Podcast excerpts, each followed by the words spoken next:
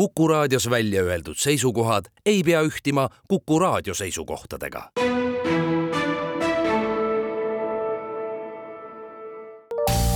terviseks. Saadet toetab Lääne-Tallinna Keskhaigla, vaata ka keskhaigla.ee tere, head Kuku kuulajad, eetris on saade Terviseks ja kui me eilses saates rääkisime südame-veresoonkonna haigustest, siis tänasel teemal jätkame. mina olen Ingela Virkus ja koos minuga on stuudios Lääne-Tallinna Keskhaigla arst-resident Kristina Morasjuk, tere taas! tere! Me rääkisime eelmises saates natukene südamehaiguste nii-öelda nagu sümptomaatikast ja pigem siis keskendusime valule, et äh, iga valurinnus ei tähenda veel südamevalu ja, ja kuidas siis ära tunda seda äh, südamehaigusele, võimalikule südamehaigusele viitavat äh, valu. mis sümptomeid veel erinevad sellised südame-veresoonkonna haigused endast annavad või viitavad sellele, et midagi võib olla südamega valesti? Jaa, no neid sümptomeid võib olla tõesti veel, veel mitmeid ja, ja, ja noh, ega ei saa öelda, et need mingid sellised väga spetsiifilised sümptomid oleksid, et et tihtipeale meie juurde pöördutakse näiteks selliste kaebustega, et tuntakse, et ollakse kuidagi rohkem väsinum kui tavaliselt Äh, näiteks õhupuudus, et äh, inimesed kaebavad, et äh, noh, et vanasti näiteks suutsin neljandale korrusele vabalt minna puhkamata, aga, aga nüüd pean liftiga minema või pean, pean tõesti puhkama mitu korda, et selline õhupuudustunne, hingeldus, väsimus, et, et sellised sümptomid, kindlasti ka sellised südamerütmihäired ja, ja nende tajumine, et tajutakse selliseid vahelööke sagedamini, et kõik sellised asjad võivad siis esineda südame-veresoonkonna haiguste puhul. aga sellisel juhul siis tuleks äh, oma kahtluste või probleemidega pöörduda esmalt äh, perearstile? jaa, perearstid äh, sobivad selleks väga hästi, et, et kõigepealt siis nendega oma mured läbi arutada, perearstidel on võimalused teha siis selline esmane patsiendi uurimine, eks ju, äh, läbi rääkida, see anamnees, noh, nagu meil meditsiinis öeldakse et, et kaheksakümmend protsenti diagnoosist annab siis anamnees, ehk siis äh, noh, patsiendiga rääkimine, kõikide nende sümptomite ja kaebuste äh, läbirääkimine, riskifaktorite kaardistamine ja nende läbiarutamine. Ja, ja noh, muidugi perearst saab teha siis kardiogrammi, vereanalüüsid ja, ja noh, niisugused esmased asjad saab perearst muidugi ära teha, et ja noh, kui perearst siis juba hätta jääb, et siis ta saab alati pöörduda siis spetsialisti poole, et äh, praegu on ju väga hea äh, variant, on selline e-konsultatsiooni võimalus perearstidel, äh, kus saab tegelikult väga kiiresti spetsialisti poole mõne küsimusega pöörduda ja, ja tihtipeale spetsialistid ka siis ise võtavad patsiendi üle, et nad noh, ütleme selle, selle jutu järgi, mis, mis see perearst siis neile kirjutab, et vaatavad, et jah, et võib-olla siin ongi vaja mingisuguseid lisauuringuid ja ja lisauurimist ja, ja täitsa tihti võtavad selle haige üle nii-öelda kui eelmises saates rääkisime sellest, et väga palju mõjutab südameprobleemide teket elustiil, et kuidas me elame, mida me sööme, kui palju me liigume ja kõik selline klassika, millest ju kogu aeg räägitakse, siis kuivõrd ikkagi on veel siin omakorda selline faktor või riskitegur pärilikkus? Jaa, et äh, noh, sellega on niiviisi, et ikkagi ähm, krooniliste haiguste puhul ja noh, äh, kui me räägime siin täpsemalt siis südame-veresoonkonna haigustest, äh, on ikkagi näidatud, et kuskil seitsekümmend kuni kaheksakümmend protsenti on ikkagi see elustiili komponent, et ainult siis selline kümme kuni kakskümmend protsenti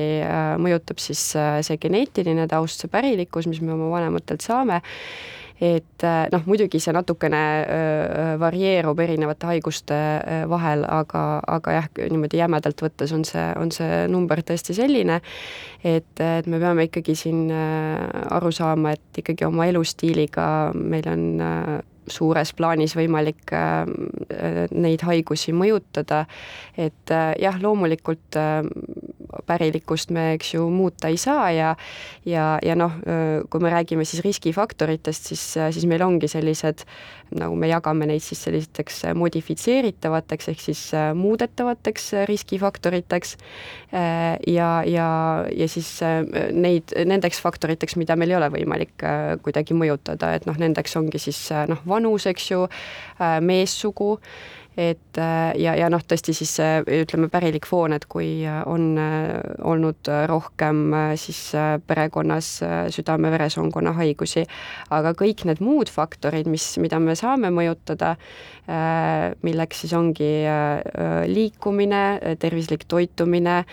Äh, alkoholi tarbimise vähendamine, suitsetamise, äh, mittesuitsetamine, eks ju, äh, kolesterooli jälgimine, vererõhu jälgimine, veresuhkru jälgimine, kõik need komponendid, mis, mida on ju tegelikult väga palju, et kui nende kõigiga tegeleda, siis, siis noh, seitsekümmend kuni kaheksakümmend protsenti on väga, väga suur osa ikkagi jah, et sellega saab palju ära teha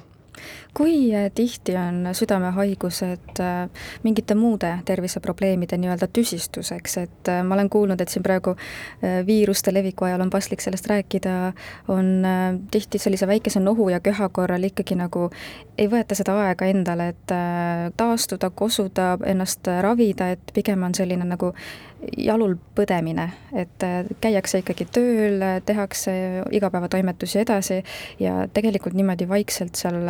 taga nii-öelda see haigus võib hakata arenema või, või siis see suurendab sellist südame-veresoonkonna haiguste riski mm? -hmm. no siinkohal võib-olla jah, räägiks rohkem sellest, et äh, praegu jah, üleüldse räägitakse ka rohkem sellest, et äh, selline ülemäärane stress ja, ja, ja selline noh, nii vaimne kui ka noh, tegelikult selline füüsiline stress, eks ju, et et, et need kõik on ka südame-veresoonkonna haiguste riski riskifaktoriteks. et äh, noh, siinkohal jah, kindlasti ähm, tuleb ennast ikkagi äh, hoida ja, ja noh, muidugi selline väike stress on, on täiesti normaalne ja kõigi elus seda tuleb ette ja, ja see on isegi selline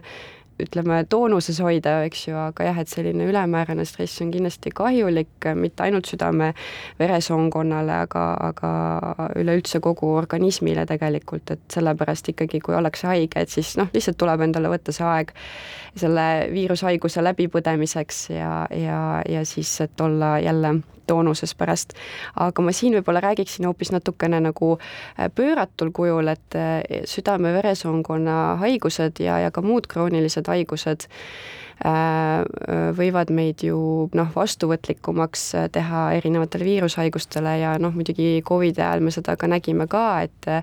et see kulg, haiguse kulg äh, nendel inimestel võib olla palju raskem, et, et sellepärast neid peetakse ka selliseks riskigrupiks ja ja noh, kõige parem viis on ikkagi äh, neid haigusi, mida on võimalik ennetada, ikkagi ennetada et eh, sellepärast ja selle ennetuse mõttes ma, ma, ma mõtlen just vaktsineerimist, eks ju, et eh, kindlasti siis need riskigrupid peaksid ennast siis nii Covidi kui ka muidugi ka gripi vastu vaktsineerima, et, et see on väga oluline kui rääkida veel südame-veresoonkonna haiguste diagnoosimisest, sest et neid on nii palju, kuidas see diagnoosimine käib, et kas pigem hakataksegi sümptomite põhjal ja nagu te ütlesite ka, et see algab anamneesist, et kas selle põhjal hakata välistama mingisuguseid haigusi pigem, et nii tuleb see lõplik diagnoos või tehakse ikkagi uuringuid ja hakatakse, vaadatakse kõikvõimalikud variandid nii-öelda läbi? Jaa, et e, noh, nagu me enne rääkisime, et siis tõepoolest hakkab see kõik sellest anamneesist, et, e, et me tõesti siis vaatame neid sümptomeid ja kaebusi, siis,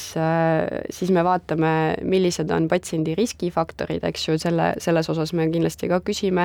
ja, ja perekonna anamneesi alati küsime. Ja, ja noh, siis kõigepealt siis sellised esmased analüüsid, mis meile annavad juba päris palju informatsiooni, kus me saamegi määrata siis, äh, eks ju, kolesterooli ja, ja, ja veresuhkrut ja, ja noh, ka muud analüüsid, et, et see kõik annab meile juba selliseid infokilde, eks ju, juurde ja, ja noh, muidugi siis äh, sellised põhilisemad äh, esialgsed uuringud ongi äh, kardiogramm, eks ju, ja, ja noh, see juba annab meile mingisuguse pildi ette ja, ja edasi, edasi siis vastavalt sellele, mida me täpsemalt kahtlustame. et äh, kui seal on ikkagi kõrge vererõhk, siis, siis noh, siis me ikkagi mõõdame seda vererõhku ja, ja Äh, innustame patsienti siis äh, kodus ka seda jälgima ja, ja, ja siis vaatama seda ravivastust, et kui mingid ravimid saavad peale, et kuidas see siis on ja ja teiste haiguste puhul vahel läheb tarvis südame ultraheli ehokardiograaf, et seal me saame ka hinnata siis sellist südamepumba funktsiooni Äh, saame hinnata, kuidas on äh, südameklapid, mis seis seal on, et äh, ja noh, muidugi sellised spetsiifilisemad uuringud, pärgarterite uuringud, et tegelikult jah, see uuringute arsenal on meil päris suur, et, et see ongi selline jah, tõesti arsti kunst, et kuidas siis selle anamneesi kaebuste põhjal siis äh, valida see tee, eks ju, et, et noh, muidugi pole mõistlik kõiki uuringuid kõigile ära teha, et noh, sellist raha eh, noh, meil tervishoius, eks ju, ei ole, et ja see ei ole ka mõistlik, et siis ikkagi äh, selline suunitletud uurimine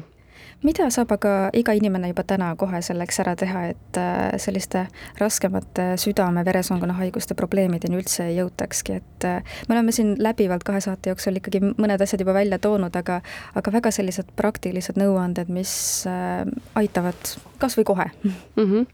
jaa no ikkagi ei saa üle ega ümber nendest elustiili äh, sellistest harjumustest, eks ju, mis inimestel on, et, et noh, kõigepealt ikkagi tulebki vaadata peeglisse ja, ja ikkagi tegeleda nende asjadega, mida on tõesti endal võimalik ju ära teha, et jääda lootma mingisuguse imeravimi peale või, või, või noh, millegi sellise peale ei ole kindlasti mõistlik, et muidugi meil on väga palju häid ravimeid olemas, olemas, aga alati südame-veresoonkonna haiguste selline esmane ravi hakkab ikkagi tegelikult elustiili äh, muudatustest ja, ja, ja seejärel siis äh, tihtipeale ka sellest juba piisab tegelikult väga palju, et noh, muidugi kui see haigus on juba äh, selline edasi arenenud ja, ja, ja pikemat aega olnud ja need kahjustused on juba välja kujunenud, siis noh, tagasi neid võtta ei saa ja noh, selles mõttes, et siis ikkagi need ravimid äh, aitavad ütleme siis seda hullemat veel siis ära hoida. aga jah, et äh, kindlasti siis äh, mida saab soovitada, on see, et tuleb liikuda, sada viiskümmend minutit nädalas on siis selline miinimum, et noh, kui niimoodi lihtsamini võtta, et see on siis viiel päeval nädalas siis kolmkümmend minutit et äh, noh, kui niiviisi mõelda, siis tegelikult on see ju väga-väga vähe või noh, selles mõttes, et see ongi minimaalne, et mida rohkem me liigume, seda, seda parem on äh, südame tervisele. Siis äh, kindlasti äh, suitsetamisest loobumine, et, et on ikkagi näidatud, et see suitsetamine tõstab kaks kuni neli korda ikkagi südame-veresoonkonna haiguste tekkeriski, nii et see on kindlasti väga oluline aspekt, alkoholi tarvitamise vähendamine, et on siis kindlad soovitused, kus siis naistel siis maksimaalselt üks kuni kaks ühikut päevas ja, ja, ja meestel kolm ühikut maksimaalselt et ja samal ajal nädalas peaks siis jääma ikkagi kolm alkoholivaba päeva ka, et nende järgimine jah, muidugi mida vähem alkoholi üldse, seda, seda parem ikkagi äh, südamele. Kaalu jälgimine, eks ju, et äh, see on, see on kindlasti väga oluline. Äh, soola tarbimise vähendamine ja, ja noh, ikkagi jälgida oma toitumist, et väga head soovitused on Tervise Arengu Instituudi kodulehel ka, et kõigile kättesaadavad ja et vaadake ja lugege